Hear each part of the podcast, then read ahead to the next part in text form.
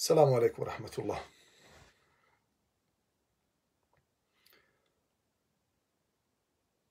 الحمد لله رب العالمين حمدا كثيرا كما أمر اللهم صل وسلم وبارك على محمد بن عبد الله وعلى آله وصحبه أجمعين اللهم رب اشرح لي صدري ويسر لي أمري واحلل عقدة من لساني يفقه قولي وبعد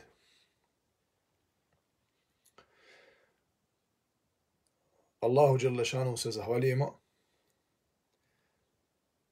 صلوات السلام donosimo na Allahov poslanika i miljenika Muhammeda, alaihi salatu wassalam. na njegovu porodicu, ashabe i sve vjernike i vjernice do sudnjega dana.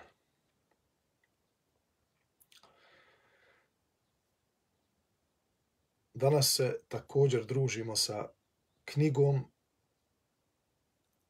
od imama Buharije, rahimahullahu ta'ala, knjiga koja je protkana hadisima Rasulullaha alaihi salatu wasalam koja govori o moralu jednog muslimana. Prije nego što e, krenemo sa hadisima, reći ću vam nekoliko riječi o blagodati temeljitog učenja Islama. Od prvih generacija muslimana, pa na ovamo, kroz vijekove,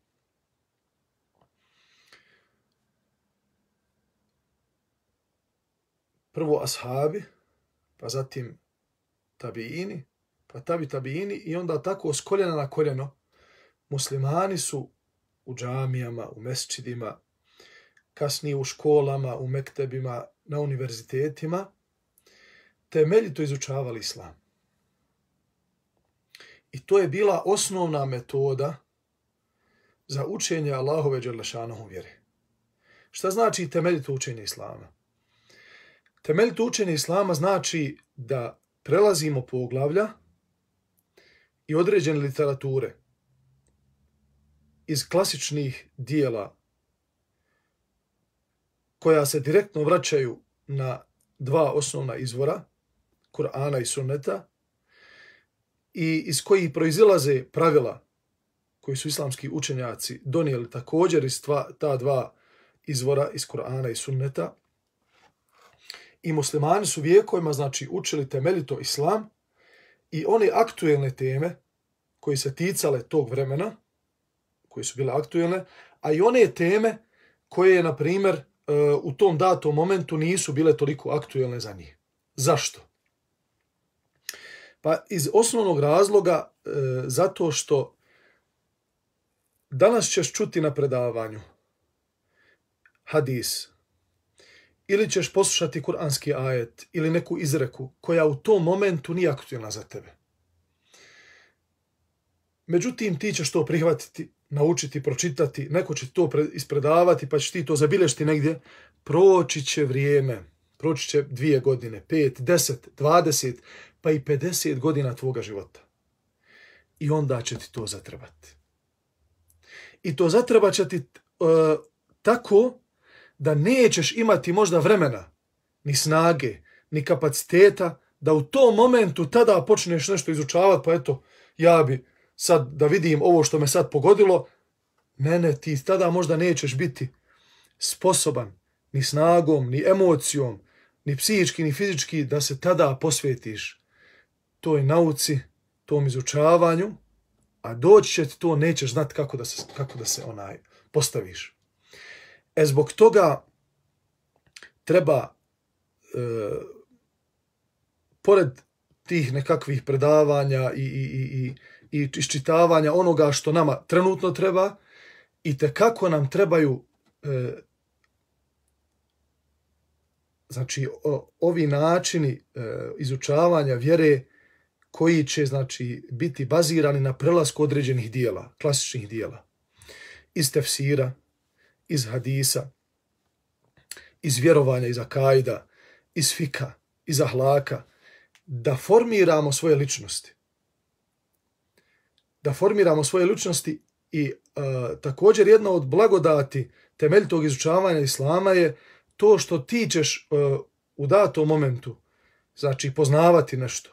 Zato što ćeš slušat ne znam nije, određene hadise koji trenutno uh, nemaš, nemaš od njih uh, da kažemo, neke koristi, nisu ti upotrebit sad. Međutim, možda baš tvoj brat musliman ili tvoja sestra muslimanka u ovome momentu proživljavaju određene trenutke zbog čega im trebaju ovi hadisi koje ti sada slušaš ili znaš. Pa će ti se na kahvi ili kad se vidite otvoriti, pojadat, pa ćeš ti imati spremno znanje koje ćeš moći da mu preneseš i savjet uh, i da mu riješiš dati problem pred kojim se nalazi. Pogledajte samo evo ova dva primjera blagodati temelj tog učenja islama. Da će ti jednog dana zatrebat ili da treba nekome tvom bližnjem koji će se u datom momentu koristiti zato što si ti njemu to opremio. To je, to je velika blagodat, e, velika blagodat znanja kojim Allah Đelešanhu počastio umet islama da ne postoji ni jedna, ni, ni mala, ni velika mesela, ni jedno pitanje, da li to bilo veliko pitanje ili malo pitanje, a da Islam nema za to odgovor. To je blagodat svih blagodati. U narednom poglavlju Imam Buharija kaže šta će kazati čovjek kad bude pohvaljen?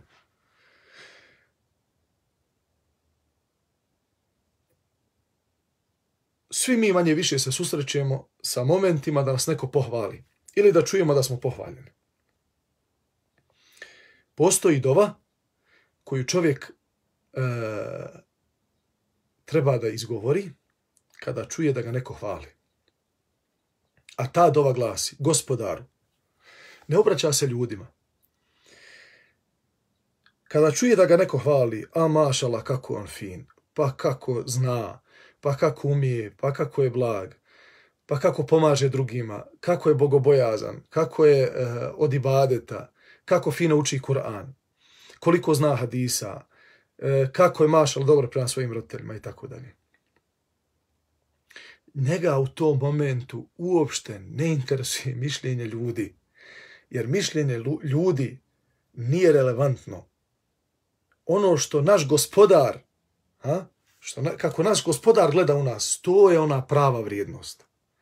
Zato početak dove glasi gospodaru. Postoji, znači, moguće je da te taj čovjek hvali pred hiljadama ljudi. Pred hiljadama ljudi. Pred stotinama, pred desetinama, pred jednim čovjekom. Znači, neovisno njega to uopšte, tog insana koji je hvaljen u tom momentu, to ne interesuje. Nego ga interesuje, nego gospodar. Kaže, gospodaro, nemoj me kazniti.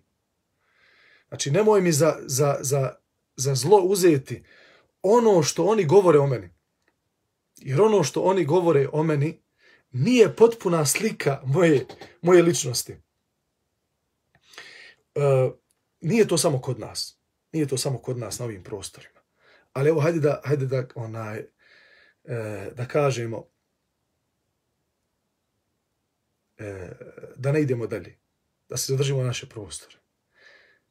Na našim prostorima, osim kome se Allah Đelešanu smilovu, ili si svet, ili si proklet. Ili te nek, znači neko ko te voli, ili te voli, osim oni koji te dobro poznaju, koji su iskreni prema tebi, koji, ali evo, Znači, ili te voli i uvažava i vidite na svim visinama mogućim. I sve ono što i zna i ne zna o tebi, sve je to u superlativu, sve je to, bum, čista desetka. Ili s druge strane, ništa ne valjaš, nikome nikad nisi hajer uradio. Što, nažalost, nije uopšte pravedno. Ni prema kome. Da bi one kome je govorio, moraš imati potpunu pravednu sliku i tako je predstavljati.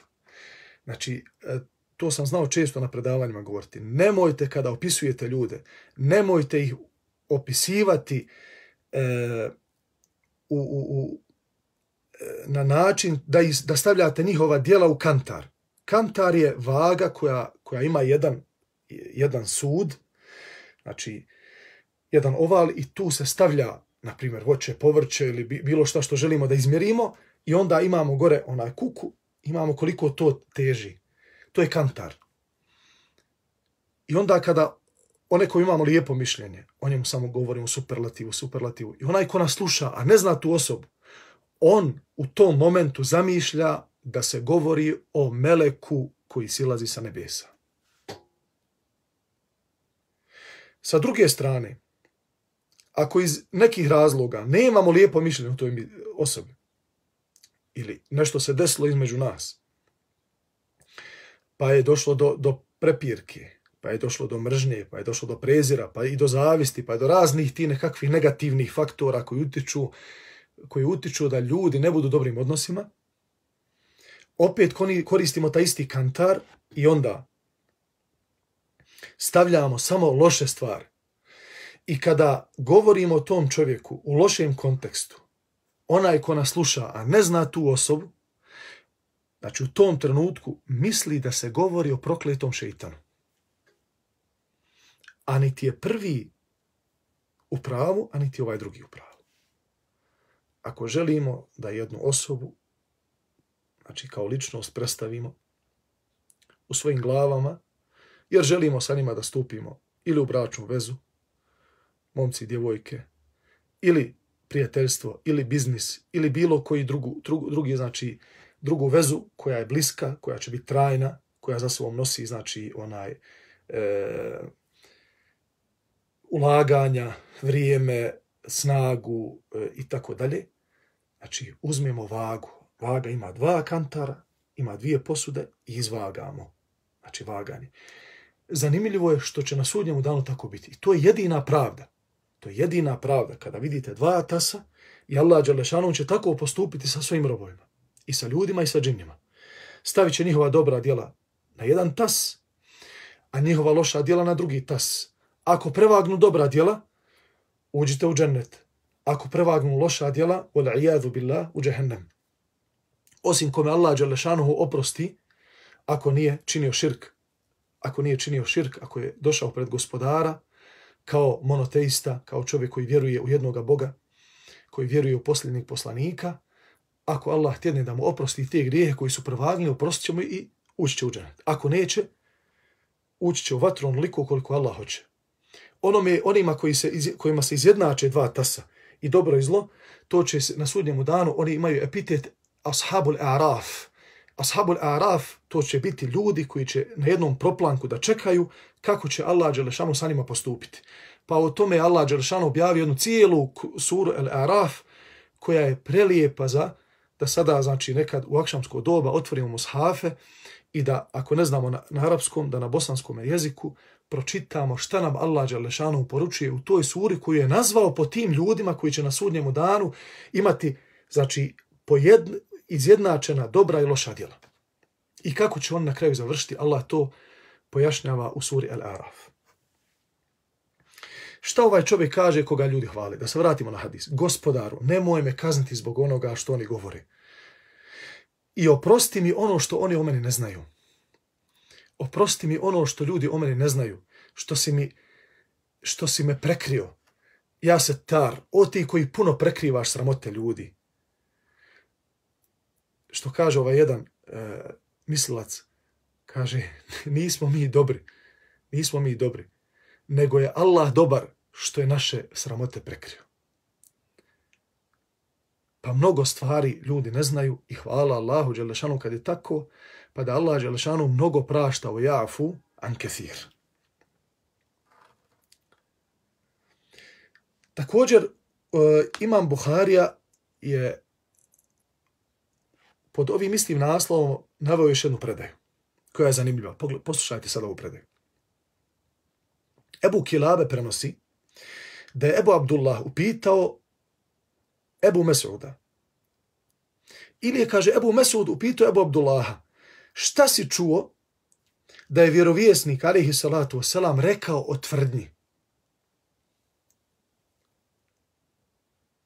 Tvrdnja na arapskom jeziku izraz zaame je zaamu. Znači ja tvrdim, danas e, mnogi tvrde, svako je zadivljan onim što on tvrdi lično.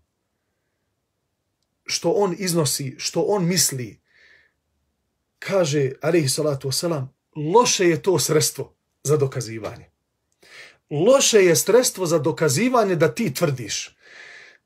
Znači, e, ti imaš nešto u svojim prsima, ti si nešto zamislio tu nekakvu sliku, a nemaš osnovno znanje o toj tematici. I ti tvrdiš, kaže Alehi Salatu Oselam, to je loše sredstvo. Pa dobro, koje je onda dobro sredstvo? Znanje. A znanje u arapskom jeziku, el ilm, kada se spominje znanje, smatra se pod onim što si ubijeđeno stekao putem relevantnih dokaza u bilo kojem polju znanstvenom, iz klasične literature, da li se radilo o vjeri, da li se radilo o medicini, da li se radilo o astronomiji, o bilo kojoj drugoj objas, oblasti, da si to izučavao godinama pred učenjacima te oblasti i iščitao knjige i praktično pristupio toj oblasti i dokazao se godinama rada u tome da ti nešto onda nakon toga tvrdiš i da ti nešto kažeš na tu temu pa da mi kažemo, e, eh, maša Allah, može se znači od ovog čovjeka uzeti jer on danas ljudi pogotovo ovim sredstvima raznih informisanja raznih mogućnosti e, da, da, da svoje javno mišljenje iznesemo. Vjerujte ljudi, sve što manje tvrdimo, sve ćemo manje griješiti. Nemojmo puno tvrditi. I nema potrebe da puno tvrdimo. Jer naše tvrdnje u 99 zarez 99 99 99,9% procenata neće promijeniti ništa u zemalj, na, na svijetu. Znači, pod nebeskim svodom. Ništa neće promijeniti. Čak nećemo promijeniti te naše, tim našim tvrdnjama, ni, ništa ni u našim kućama, pogotovo to kad javno iznosimo na Facebooku ili na, na, drugim, onaj, na drugim društvenim mrežama. Čak najvjerovatnije da te naše tvrdnje koje mi iznosimo i naše rasprave, naše komentari, postovi, da većinom neće djelovati na same nas. Nego to je jedna vrsta iznošenja nekakvih tvrdnji gdje mi možda ona imamo viška vremena ili ne znam nija taj dan nismo onaj raspoloženi, počemo pa mi da stalno tvrdimo ono što je suprotno onim što vidimo i što je napisano. Mhm. E dobro. Naredno poglavlje. Za ono što ne poznajete, ne trebate kazati Allah zna da je tako. Ha? Za ono što dobro ne poznajete, nemojte reći Allah zna da je tako. Od Ibn Abasa da je rekao, kaže, za ono što ne poznajete, nemojte govoriti Allah zna da je tako, jer možda je ono u Allahovom znanju drugačije. Time biste opisivali Allahovo znanje onakvim kakvo ono nije, a to je kod Allaha krupna stvar opet se vraćamo na, na šta na struku. Struka je majka nauke. Da je neko stručan za nešto. Kad je neko stručan u Kur'anu i kad progovori, ti osjetiš, ti znaš, tu, ti vidiš tu struku. To je odmah u prvoj minuti se.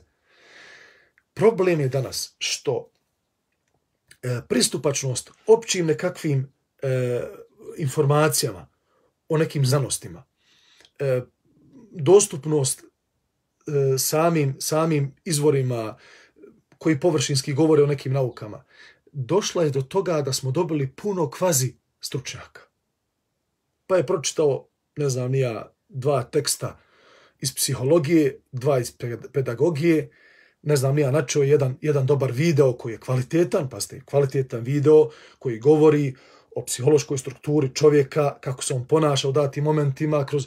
I on sad je to malo pokupio, malo je skonto još ako se tu umiješa njegova inteligencija sa mogućnošću demagoškog uh, izlaganja određene tematike. Vi ste dobili kvazi stručnjaka koji ne možeš mu odbit pera. I to je belaj. To je problem. Nije problem za mene i za tebe koji znamo, kad osjetimo, kad vidimo to, kažemo da, mislim, izvini onaj gdje studirao. E, gdje si tu nauku pokupio. Ali je problem što će time e, nekoga staviti na pogrešan put onog čovjeka koji je dobronamjerno otvorio taj video ili taj post ili, ili taj njegov, nek, to neko, nek, ne, nekakvo njegovo javno izlaganje i dovešće ga u zabludu. Čovjek će možda naredni, narednu znači ostatak života provesti u zabludi zbog njegovi nekih statistika i, i tvrdnji. E, gledajte sad. Krupna je stvar i grije kao što kaže Ibn Abbas, radi Allahu anu, da čovjek za nešto kaže što ne zna, nema znači jakih temelja, nema jakih dokaza i on kaže ja tvrdim da je tako, jer ja znam, a Allah kaže, a i Allah zna da je to tako. Ola iadu billah.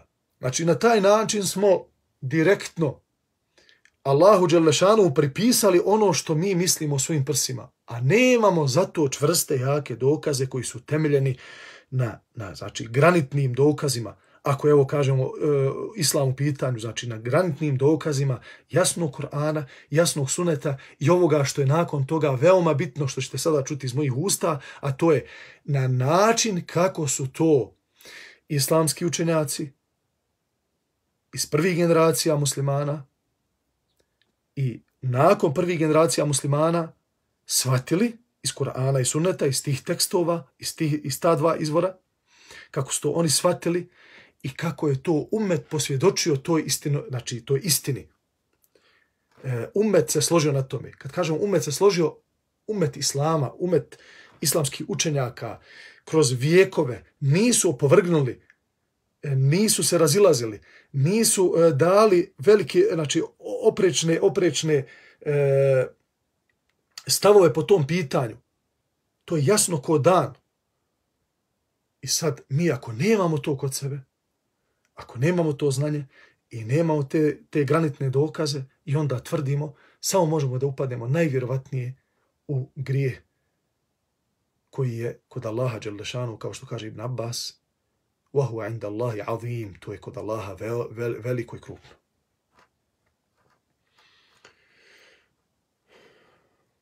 I posljednji hadis e, koji želim sa vama da podijelim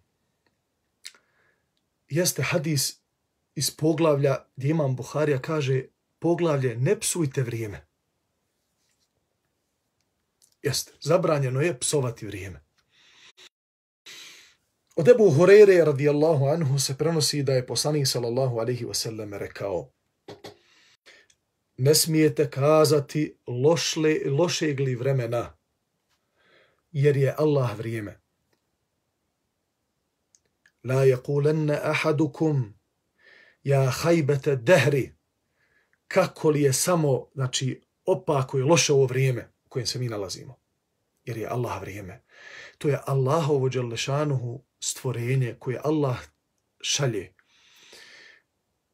I ništa, kao što kaže imam Buharija, e, izvinite, kao što kaže imam Šafija, rahimahullahu ta'ala, jedne prilike kada su ljudi spominjali vrijeme, o kako se vrijeme promijenilo, pa kako je bilo doba shava, pa kako je bilo doba tabina, pa pogledajte kako je došlo novo vrijeme, kaže imam Šafija, ne vidim ne vidim da se išta u ovom vremenu promijenilo osim samih ljudi.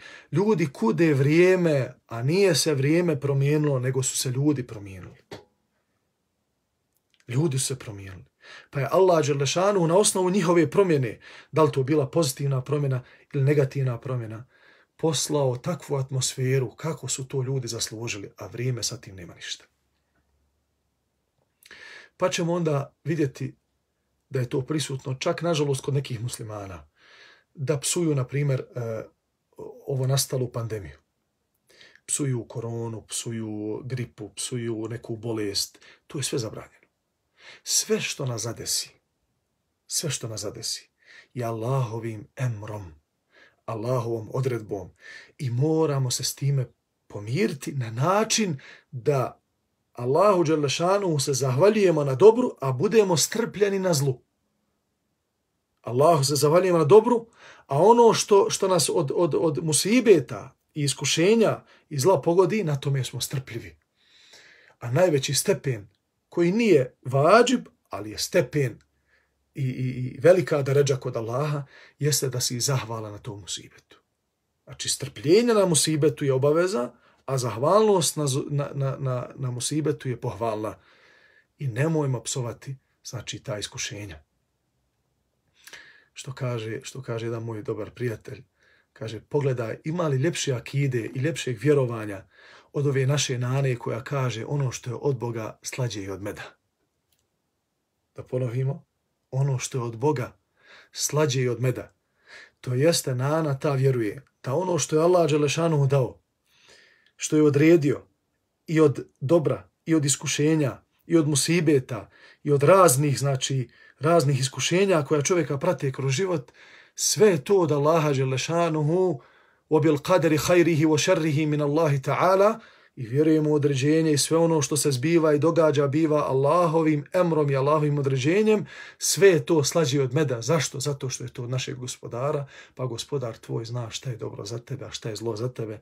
Pa i ako ti dođe nekad nešto što ti smatraš da je to loše po tebe, vjeruj u tom trenutku da tvoj gospodar želi tebi bolje nego što ti želiš samome sebi pa će doći vrijeme kada ćeš ti saznati da je to bolje potrebe, pa ćeš toga dana se nasmijati i reći gospodaru moj, hvala ti što nije bilo drugačije i nije bilo nikako osim onako kako si ti htio, a da sam ja htio i da je bilo po mome, ja bi do sada bio davno u zabludi, davno na krivom putu. Allaha subhanahu wa ta'ala molimo da nam oprosti i da nam se smilije da nas počasti znanjem koje koristi i da se okoristimo o znanje, o znanju kojeg nas Allah poduči. Allaha molimo da nam se smiluje, da nam oprosti grijehe, da nas sačuva vatre, uvede u džennete i da nam se smiluje u danu kada će ljudi proživljeni biti. أقول قولي هذا وأستغفر الله لي ولكم سبحانك اللهم وبحمدك أشهد أن لا إله إلا أنت أستغفرك وأتوب إليك أيها وسلام سلامين i želim vam hajirli ostatak dana. Assalamu alaikum wa rahmatullahi ta'ala wa barakatuh.